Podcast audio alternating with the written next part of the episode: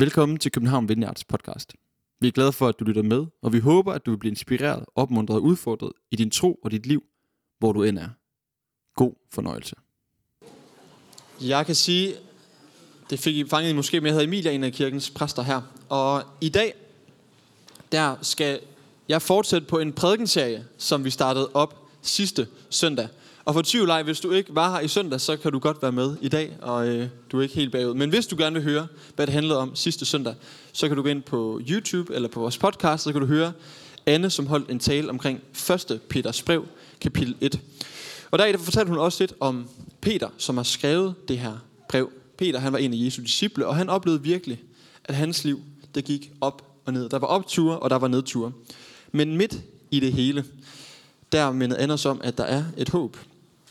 Peter han taler selv om i kapitel 1, hvordan det hele det begynder med, at Gud er trofast. At Gud han kalder os, at han kommer til os, og at han er starten på livet med ham. Og samtidig så peger Peter frem mod, at der er et ægte, et levende, et uforkrænkeligt håb. Et virkelig dybt håb, fordi det ender godt. Det ligger dybt i den kristne tro, at det hele ender godt. Og så kan det godt være, at livet her midt i, det kan gå op og ned. Men Gud, han er trofast fra begyndelsen, og han vil være det i slutningen, og han er det også ind midt i det hele. Der er virkelig et håb. Det var noget af det, som det handler om første gang. Og Peter her, han skriver det her brev rundt til en masse forskellige kirker. Og øh, det er ikke sådan, at det er en bestemt kirke og en bestemt menighed, og, som ligesom modtog det her. Det var mange forskellige, som det her det skulle ud til. Og i det her brev, der siger han så noget om det at være kirke, det at være kirke sammen. Og det er noget af det, som jeg gerne vil fokusere på i dag. Og jeg har valgt at kalde talen for en virkelig virkelighed. Og vi skal øh, læse noget fra kapitel 2 lige om lidt. Men de ting, jeg har lyst til at pege på i dag med kirken, det er, at kirken det er en ny virkelighed. At det er en virkelig virkelighed. Og det er en virkelig vej til mere godhed i verden. Og det skal nok give mening hen ad vejen, hvad jeg mener med det. Men jeg læser fra kapitel 2, vers 4-10. Kom til ham, den levende sten, som blev vraget af mennesker, men er udsøgt og kostbar for Gud. Og lad jer selv som levende sten bygges op til et åndeligt hus, til et helligt præsteskab, der bringer åndelige offer, som takket være Jesus Kristus er kærkommende for Gud. For der står i skriften, se, i Sion ligger jeg en hjørnesten, udvalgt og kostbar. Den, der tror på ham, skal ikke blive til skamme. For jer, som tror, at den er så kostbar, men for dem, som ikke tror, er den sten, by, er den sten bygmestrene vraget blevet hovedhjørnestenen. Og en anstød sten, en klippe til at snuble over. Det er dem, der tager anstød i deres ulydighed mod ord, og dertil var de også bestemt. Men I er en udvalgt slægt, et kongeligt præsteskab, et helligt folk, et ejendomsfolk, for at I skal forkynde hans guddomsmagt. Han som kaldte jer ud af mørket til sit underfulde lys. I som før ikke var et folk, men nu er Guds folk. I som ikke fandt barmhjertighed, men nu har fundet barmhjertighed. Jeg er helt med på, det var lidt en kringlet tekst, som, øh, som jeg læste op her med alle mulige referencer til alle mulige bibler og så videre. Og vi læste også øh, det her sammen til teen, teen training for nyligt, og øh, jeg bad dem om at stille nogle forskellige spørgsmål til den her tekst. Og øh, der var mange, mange ting. Hvad er det egentlig? Hvad betyder sigeren? Og hvad, hvad er det med alle det her sten og de her klipper, som bliver nævnt? Og det er sådan, at seks gange så bliver der talt omkring forskellige sten, og der bliver også en gang talt om den her klippe. Og det, som menes med den, det er nogle steder Jesus. Jesus, han er stenen. Men samme andre steder så bliver talt om, at vi, altså kirken, også er de her sten. Og jeg skal prøve ligesom at se, hvad er det egentlig lige, vi kan hive ud af den her, måske sådan lidt kringlet tekst. Der bliver talt omkring den levende sten. Den levende sten, som der blev sagt om, blev vraget af mennesker, men er kostbar for Gud. Den her sten, det er et billede på Jesus. Jesus han er kostbar, fordi at han kan være den gode sten, det virkelige fundament. Hjørnesten, hjørnesten, det er den sten, der holder hele bygningen sammen. Uden den, så falder det hele fra hinanden. Jesus han er kostbar, han er værdifuld, han er den sten, som kan være fundamentet. Og samtidig så bliver der talt omkring, hvordan at den her sten, at nogen bliver vraget, hvordan at nogen de snubler over den. Og det tror jeg, det er, peger tilbage på mordet på Jesus. Jesus, han kom til verden for at helbrede og forkynde frihed, holde fest med dem, som andre så som udskud. Jesus han havde omsorg for de svage. Han kom for at bringe Guds rige. Men det var der mange, der ikke kunne holde ud. Det var der mange, der ikke gad at tage imod. Så de valgte i stedet for at vrage ham og sige, det der, det vil vi ikke have med at gøre. Det er interessant at læse om, hvordan at folk de så, at han gjorde mirakler. Og folk så og fandt ud af, at han var opstået. Og alligevel, så ville de ikke tro ham. Alligevel så blev de ved med at sige, det der, det vil vi ikke have noget at gøre med. De vragede den her sten. De ville ikke have det som deres fundament. Så der er ligesom et valg, Peter han taler om, vi bliver stillet overfor. Hvad vil vi gøre med Jesus? Vil vi lade ham være et fundament, eller vil vi bare trampe oven på ham? Ikke have noget med ham at gøre. Og så siger Peter så noget andet, så siger han, lad jer selv som levende sten blive bygget op til et åndeligt hus. Det lyder lidt sådan højstemt og fint. Der taler han om, at kirken er som de her levende sten. Og det, som han taler om her, det skal få dem, der har læst det, til at tænke på templet. Det tempel, som var i Jerusalem. Og det peger videre ind mod det, som det første, jeg vil sige, er kirken som en ny virkelighed. Det her med at bygge, at bygge templer, det er noget meget sådan almindeligt menneskeligt. Det er noget, man ser rundt omkring.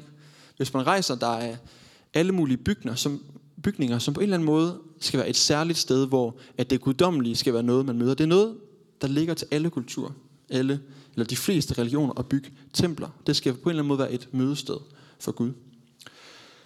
Og sådan havde jøderne det også med deres tempel. Det var ligesom centrum for deres liv. Det var det, de orienterede sig mod. Der var ikke noget større end templet. For templet, det var der, hvor Guds nærvær var. Templet, det var det sted, man gik hen for at møde Gud. Det var der, hvor simpelthen at himmel og jord var forenet i et. De havde virkelig et højt syn på, hvad templet det var. Og der stod i Jerusalem det her tempel. Jeg har selv været øh, i Israel og se, øh, hvor det står. Der er sådan en, en klippe, hvor ovenpå, nu er så bygget en moské, fordi man, at øh, templet det øh, blev revet ned og ødelagt øh, lidt efter det her, det er skrevet faktisk. Og siden der har det ikke stået der, men det betød alt for dem. Det har stået der i mange år, de har bygget det op. Det var ligesom kært folkeeje, det her tempel. Der var Gud. Og det var sådan, at jøder de sagde, at templet, det var bygget på stenen. Det var bygget, kunne de også finde på at sige, på hjørnestenen. Det var bygget på et godt fundament. Så kommer der et tidspunkt, hvor Jesus han så går rundt sammen med sine disciple. Og så kommer han gående forbi det her store, flotte tempel, og så peger han op på det. Og så siger han til dem, Riv dette tempel ned, og jeg vil rejse det igen på tre dage. Da sagde jøderne, dette tempel er der bygget på i 46 år, og så vil du rejse det igen på tre dage. Men det tempel, men det tempel, han talte om, var hans eget læme. Så Jesus peger på det her store, gloværdige tempel. Det her sted, hvor de vidste, det er der Gud, han er, så siger han, riv det ned. Han siger faktisk, vi kan ikke længere bruge den her bygning til noget.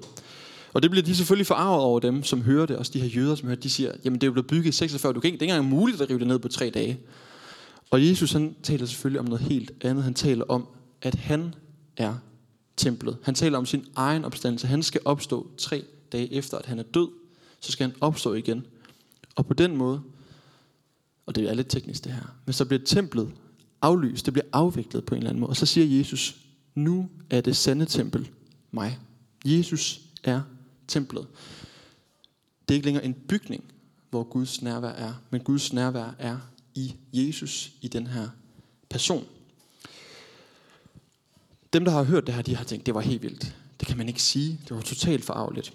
Og så Peter her, han siger endda, at vi er det her tempel. Vi er det her åndelige hus. Vi er sten i den her bygning, hvor at Jesus, han er fundamentet. Og det er den nye virkelighed. Det er det, som kirken er et nyt tempel, som ikke er begrænset til en bygning, men som spreder sig ud over hele jorden. Er alle steder, hvor Guds ånd er. Der er templet. Der er Gud. Han er over det hele. Paulus taler blandt andet om, at muren den er blevet revet ned, og der tænker han også på det her med templet. Og det var sådan øh, i, det, i det gamle tempel, de havde, så var der ligesom forskellige niveauer af, afhængig af hvor hellig man var, så måtte man komme så og så tæt på, der hvor Guds nærvær det var. Så der var nogle særlige præster, der var aller tættest på, og så var der en gård for, for jødiske mænd, så var der en gård for jødiske kvinder, og så var der helt udenfor, der var alle de såkaldte hedningerne, altså ikke jøderne. Og Paulus siger, at den her mur, den er revet ned. Det er ikke sådan, at det her det er bare for nogen. Det er ikke bare for et folk, men det er for alle folk. Det er for et nyt folk. Det er for dig og mig. Det er derfor, vi kan være her i dag og sige, at vi er kirke. Og det er også Peters erfaring, som skrev det her, at kirken, den er der, hvor to eller tre er forsamlet i Jesu navn. Der, hvor han er fundamentet, og vi er som de her levende sten, der er en del af templet. Og det her, det kan godt blive sådan lidt teknisk og teoretisk. Og nu vil jeg prøve lige at hive det lidt mere ned på jorden og tale om, hvad er det egentlig, det har af betydning, det her. Det her med, at kirken er en virkelig virkelighed. Det er ikke bare et eller andet abstrakt. Det er faktisk meget virkeligt, det her. På et tidspunkt var jeg på en bibelskole i Australien, og der var øh, der folk fra, fra hele verden, der var kommet på den her øh, bibelskole. Vi var i den klasse, jeg gik i, 14 forskellige nationaliteter. Øh, jeg ved ikke, om, om nogen af jer har prøvet at opleve det med, at man er sammen fra vidt forskellige kulturer. Og altså, det var alle kontinenter, lige på nær Antarktis, tror jeg, der var repræsenteret her. Vi var simpelthen fra så forskellige baggrunde. Min erfaring var, at det faktisk var rigtig bøvlet. Det var faktisk ikke bare lige så nemt og sjovt nødvendigvis, at alle kom alle mulige andre steder fra sprogbarriere, det ene og det andet. Og vi var også fra forskellige kirker. Vi var 50 mennesker, og jeg tror næsten, vi var fra 50 forskellige kirkebaggrunde. Der var forskellige måder at tænke omkring, hvordan man skulle lede. Og ja, der var virkelig en god cocktail til, at alt her, det kunne gå galt. Og det gjorde det måske også nogle gange. Og så på et tidspunkt, så skulle vi så op på sådan et outreach, hvor vi øh, skulle være afsted i 11 uger, hvor vi så var 10 personer, der skulle være afsted sammen. Der var vi otte forskellige nationaliteter sammen, og vi var lige så mange forskellige personligheder. Vi var virkelig forskellige. Alle så på vores gruppe og tænkte, hvordan kommer det der til at gå? Det var også min egen, jeg tænkte, hvad, hvad, hvad, hvad, altså, det blev tre lange måneder, det her, var min første tanke. Men min erfaring var, at midt i alt det her, lidt kompliceret, alle vores forskelligheder, så lærte jeg virkelig, at kirken er et folk. At Jesus han faktisk virkelig kan forene. Jeg oplevede det, som Peter han sagde her med, at vi er som sten i den samme bygning. Selvom vi er forskellige, selvom vores, at vi ser forskellige ud og har forskellige funktioner, så er vi virkelig et. En af mine bedste venner der på Bibelskolen, han var katolik. Det lærte jeg også virkelig meget at finde ud af, at vi er et folk. Kirken er et folk. Så det her med at være kirke, det er ikke bare teoretisk. Det er ikke bare en eller anden fin abstraktion. Det er faktisk meget praktisk. Det er noget, der kommer helt ned på jorden. Det er en virkelig, vir, virkelig virkelighed. Og når vi mødes, så er Guds ånd virkelig til stede. Det må vi tro på. Ikke bare i en eller anden bygning, men i blandt os. Jesus han er virkelig frelser. Jesus han kan virkelig forene mennesker. Og er det ikke også lidt det samme med den her kirke, Vineyard. Jeg ved godt, nogle af os, nogle af jer er måske her for første gang og har været gæster til ungdomsvelsignelse, men her i Vineyard, der plejer vi at tale om, at vi er en kirkefamilie. Det er et stort ord at bruge om det at være kirke, men vi vil gerne være som en familie. En familie, hvor der er plads til os alle sammen, midt i vores forskelligheder, midt i vores forskellige baggrunde og måder at tænke på og måder at tro på, så vil vi gerne være en kirkefamilie. Det er det, vi brænder for. Og vi taler så ofte om, at vi vil være en inkluderende kirke. Og det betyder, at der er plads til dig, der er plads til mig. Og det er faktisk meget virkeligt at være en inkluderende kirke. Det er ikke bare noget, vi finder på, men det er noget, vi prøver på at være, og noget, vi øver os i at være. Så kirke, det er noget, vi er sammen. Og nu kommer der så et godt citat. Og øh, jeg har ikke været ude og læse det her i en bog. Det er, ikke, det, det er så nyt, det her citat, at det ikke er blevet skrevet i en bog endnu. Og det er faktisk Flemming, der sidder her, der har, der har sagt citatet. Og han ved slet ikke, at det kommer her. Men han kom begejstret ind til et præstemøde her for et par uger siden, og sagde han, nu har han fundet på et citat. Og så tog han sådan til, tilløb, vi andre var bare klar. Og så sagde Flemming, Vineyard has no rockstars, only rocks. Lyder det ikke fedt? Vineyard has no rockstars, only rocks.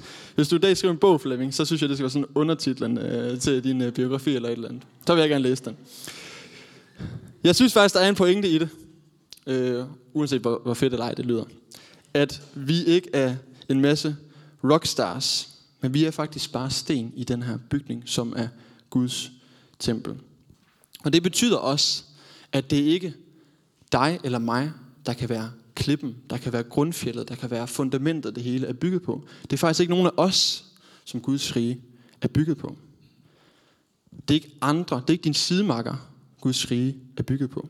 Den forventning, den kan vi simpelthen ikke have til os selv eller til nogen andre. Det er der ingen af os, der kan holde til. Men det er Jesus, der er klippen. Det er ham, det hele er bygget på. Jesus han fortæller selv i bjergprædiken en lignelse om en mand, der bygger på sand, og en, der bygger på klippen. Og Jesus han er klippen, som vi kan bygge solidt på. Så når det stormer og blæser og regner, solen ikke lige skinner, så står det fast, fordi vi har bygget på klippen og ikke på sand. Og der, når vi bygger på den klippe, så bliver vi holdt sammen som en kirkefamilie. Ikke fordi, at vi er perfekte, men ud af Guds nåde, fordi at han holder os sammen. Så det er ikke vores perfekthed, eller vores seje historier, eller vores gode stil, eller store eller lille tro, der holder os sammen her. Der er kun én ting, der holder os sammen, og det er Guds nåde. At han har sagt, at vi er et. Og det er faktisk dejligt. Det er ret befriende. Så kan vi lige lade sænke skuldrene, fordi så er der faktisk plads til mig. Fordi det her det er ikke et sted for perfekte, men for mennesker, der har brug for Jesus. Der er to ting her, jeg gerne vil fremhæve i den her øh, forbindelse. Og den ene ting, det er, at kirken det er ikke et ideal, og kirken, som det andet, er ikke en form for terapi. Og det her med, at kirken ikke er et ideal, det peger tilbage på det her med, at vi er faktisk en virkelig virkelighed. Der er en, der hedder Dietrich Bonhoeffer, som er en af mine øh, personlige helte. Han øh, blev desværre dræbt i en koncentrationslejr under 2. verdenskrig, fordi han holdt fast ved sin tro, og derfor valgte øh, nazisterne at slå ham ihjel. Øh, han var præst øh, i Tyskland.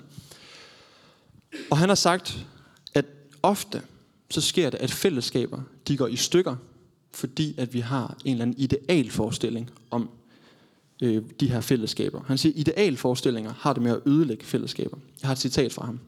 Han siger, den, der elsker sin drøm af et kristent fællesskab, mere end det kristne fællesskab selv, han bliver den, der ødelægger et hvert kristent fællesskab.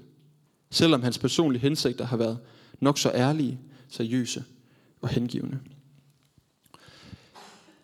I det her så kunne man også indsætte alle mulige andre ord. Den, der elsker ideen om sin familie mere end sin familie selv, vil måske faktisk end med at kunne ødelægge det, som er. Den, der elsker sin vennegruppe, idealet om vennegruppen mere, end hvordan den virkelig er, kan ende med at ødelægge det. Den, der elsker sin ideen om, hvordan arbejdspladsen kunne være, hvor fedt det kunne være, mere end faktisk elsker sine kollegaer. Det bliver en slags gift, man kan bringe ind i sådan et sted. Den, der elsker idealet mere, sådan som vi drømmer om det kunne være, sådan som vi håber det kunne være, mere end de mennesker, som vi er omgivet omkring, kan ende med faktisk at ødelægge et fællesskab. Sådan kan vi have alle mulige idealforestillinger. Det kender jeg i hvert fald selv. I alle mulige steder. Jeg har altid alle mulige idealer for, hvordan ting skal være. Og det kan også komme her ind i kirken, når vi lige specifikt er her. Jeg har et eller andet ideal om, hvordan vores fællesskab gerne skulle være her. Eller et ideal om, at det kunne være fedt, at vi havde en eller anden café, hvor alle mulige mennesker kunne komme ind, og vi skulle lave alle mulige outreach, eller vi skulle bede lidt mere. Der kan være alle mulige håb og drømme. Og, det er lige vigtigt at sige, det er så godt at drømme, det er så godt at have visioner. Vi her i Vineyard har det her arrogante slogan, hvor vi siger, at vi vil ændre Danmark en kirke ad gangen. Det er virkelig en drøm, det er virkelig en vision. Så det er så godt at drømme, det er så vigtigt at have visioner. Men vi kan ikke leve i vores idealer. Det er ikke sundt at leve i idealerne. Fordi det er sådan med idealer, at de har det med at briste, når de møder virkeligheden. Bare tænk på de seneste nytårsforsæt måske. Hvordan gik demon? Idealer er nemlig ikke virkelighed. De er netop idealer. De er bare et ønske om, hvordan vi vil håbe på, at virkeligheden den kunne være. Og derfor vil jeg gerne give en lille disclaimer. Har man mange idealer, så er det også helt sikkert, at man kommer til at møde skuffelse. Og det gælder alle parametre i hele livet. Det gælder selvfølgelig her i kirken. Det gælder i venskaber.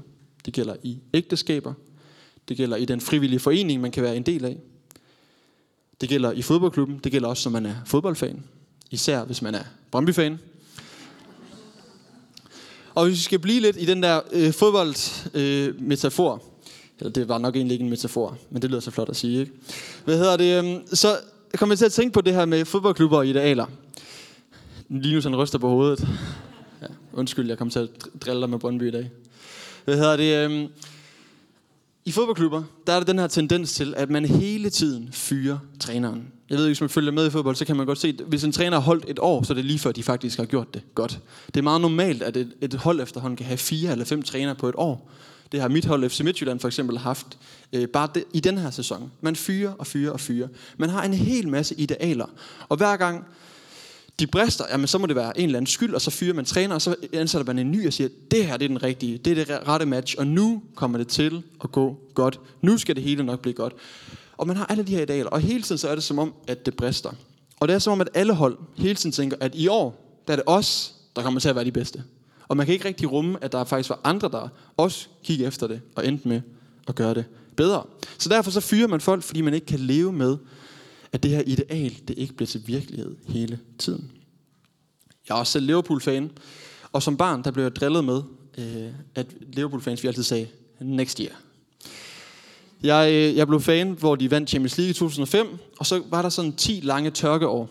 Og øh, det, som vi Liverpool-fans ydermere blev drillet med, det var, at vi levede enten i fortidens nostalgi, fordi det gik bedre i 70'erne og så videre, eller vi levede i fremtiden, en tro på en eller anden dag, så bliver det godt.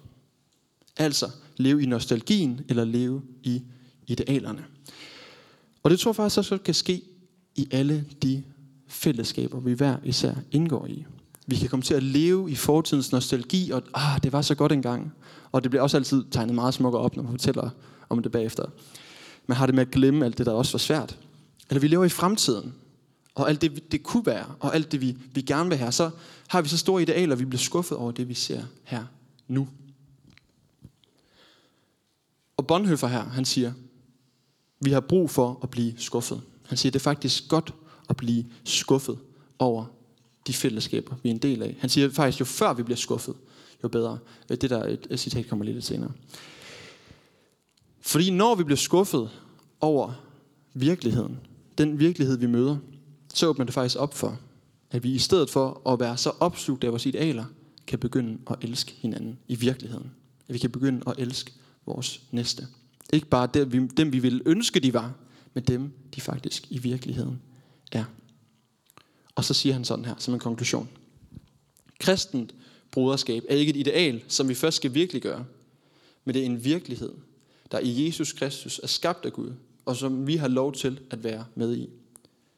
Jo klarere vi lærer at forstå, at hele vores fællesskab alene har sin grund, sin kraft og sin forjættelse i Jesus Kristus, desto roligere lærer vi også at tænke om vores fællesskab og bede og håbe for det.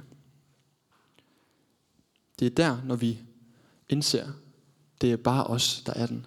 Og vi er uperfekte mennesker, at vi virkelig kan begynde at elske hinanden og bede for hinanden og virkelig have gode håb for hinanden. Og det synes jeg, det er virkelig befriende at vide, at fællesskaber ikke kan være perfekte, og det gør, at der er plads til mig. Vi var nogen fra kirken her, der var på en konference i, øh, i Nottingham øh, for et par weekender siden. Og der var der en af talerne, han sagde, hvis jeg hører om en perfekt kirke, så ved jeg, at jeg ikke skal være med, for så skal jeg nok selv komme til at ødelægge den. Og øh, det må jeg nok erkende, det er nok også det samme med mig. Hvis der er et eller andet, der er helt perfekt, så skal jeg nok med mit, med mit nærvær nok komme til at ødelægge den perfekthed. Så kirken er ikke bare et ideal, men det er en virkelighed. Så vil jeg sige, at kirken det er ikke det samme som terapi. Jeg øh, er i gang med at læse en bog af en, som taler om, hvordan at, øh, om det terapeutiske selv. At han siger, at vi, vi som mennesker har fået et terapeutisk forhold til vores virkelighed. Vi, vil, vi søger hele tiden det, som kan gøre mig glad. Vi har fokus på indre glæde, vi har fokus på psykologisk velvære. Og det er ligesom vores eget selv, der kommer i fokus. Og verden derude skal bidrage til, at jeg har det godt. Og han siger, at det her det kan også snige sig ind i fællesskaber og specifikt i kirken. At vi får et terapeutisk forhold til kirken. Hvad kan kirken give til mig? Hvad kan jeg få ud af det her? Hvad kan det her fællesskab give mig? What's in it for me? Hvordan kan det her give mig vækst? Og det er selvfølgelig godt at vil ønske vækst og, og alt det der igen. Men vi må nogle gange spørge os selv.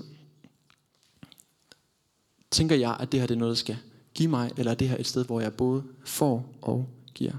Ser jeg mig selv som en del af den her levende bygning, som Peter han taler om, hvor vi hver især er sten, der er med til at skabe den her bygning, og vi er afhængige af hinanden, og vi har brug for hinanden.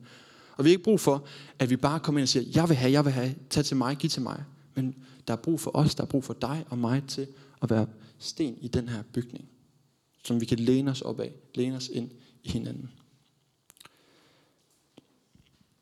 Kirken er ikke det her perfekte sted. Det er ikke bare et, et, et produkt, en eller anden virksomhed, der skal køre rigtig godt. Men det er et sted for alle os, der har opgivet at frelse sig selv. Og sagt, Jesus, det må simpelthen være dit job. Jeg kan ikke selv klare den. Det må være dig, der gør det, Jesus. Det sidste punkt, jeg har lyst til at pege på, det er kirken som en virkelig vej mod mere godhed. I, øhm, I de to vers, der kommer efter den tekst, vi har været igennem her, der står der følgende. Den kommer lige herop. Yes. I kære, jeg formaner jer til, som udlænding og fremmed, at holde jer fra kødets lyster, som fører krig mod sjælen. Lev jeres liv blandt hedningerne, sådan at de netop ved det, de bagtaler for som forbrydere, kan få syn for jeres gode gerninger og prise Gud for dem på hjemsøgelsens dag. Og igen, han, han sådan nogle rigtig gode kringlede sætninger her. Men det, som Peter han taler om, det er, der er noget ved det her med kirken, som er noget fremmed og noget anderledes fra verden. Øhm, det skal, kirken skal være adskilt fra. Det er den her levende bygning, hvor Gud virkelig bor. Derfor er kirken noget andet. Og samtidig siger han, I skal være i verden. Lev blandt de andre. Nu bruger han det her ord hedning, om det vil egentlig bare sige de fremmede. Dem, som ikke er jøder. Lev i blandt andre. Og, siger han, og så kan de få lov at se jeres gode gerninger og prise Gud for dem. Han siger ikke bare, at de må høre jeres flotte ord. Han siger, må de se de gode gerninger, som I gør. Det her det handler om at lære at elske verden i virkeligheden. Og hvis vi vil lære at elske verden i virkeligheden, og ikke bare ideen om at elske verden, at det er den, vi er tiltrukket af, så tror jeg på, at vi kan bringe liv til verden. Men det kan vi kun begynde at gøre, hvis vi er motiveret af, at Gud er god. Vi elsker, fordi at han elsker. Og det er sådan, vi ligner Gud.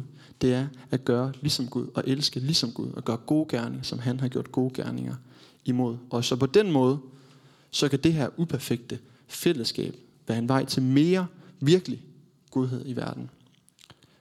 Ved at vi elsker verden i virkeligheden. Ikke bare vores idéer om, hvordan det hele kunne være, men simpelthen min nabo, min kollega, min sidemarker, min familie. Virkelig elske dem, som vi er sat i blandt med Guds kærlighed. Tak fordi du lyttede med. Vi håber, du går herfra med fred i hjertet og mod på mere. Du kan finde mere fra København Vineyard på Facebook, Instagram og vores hjemmeside. Du skal vide, at du altid er velkommen i vores kirke på Nyvej 7. God dag.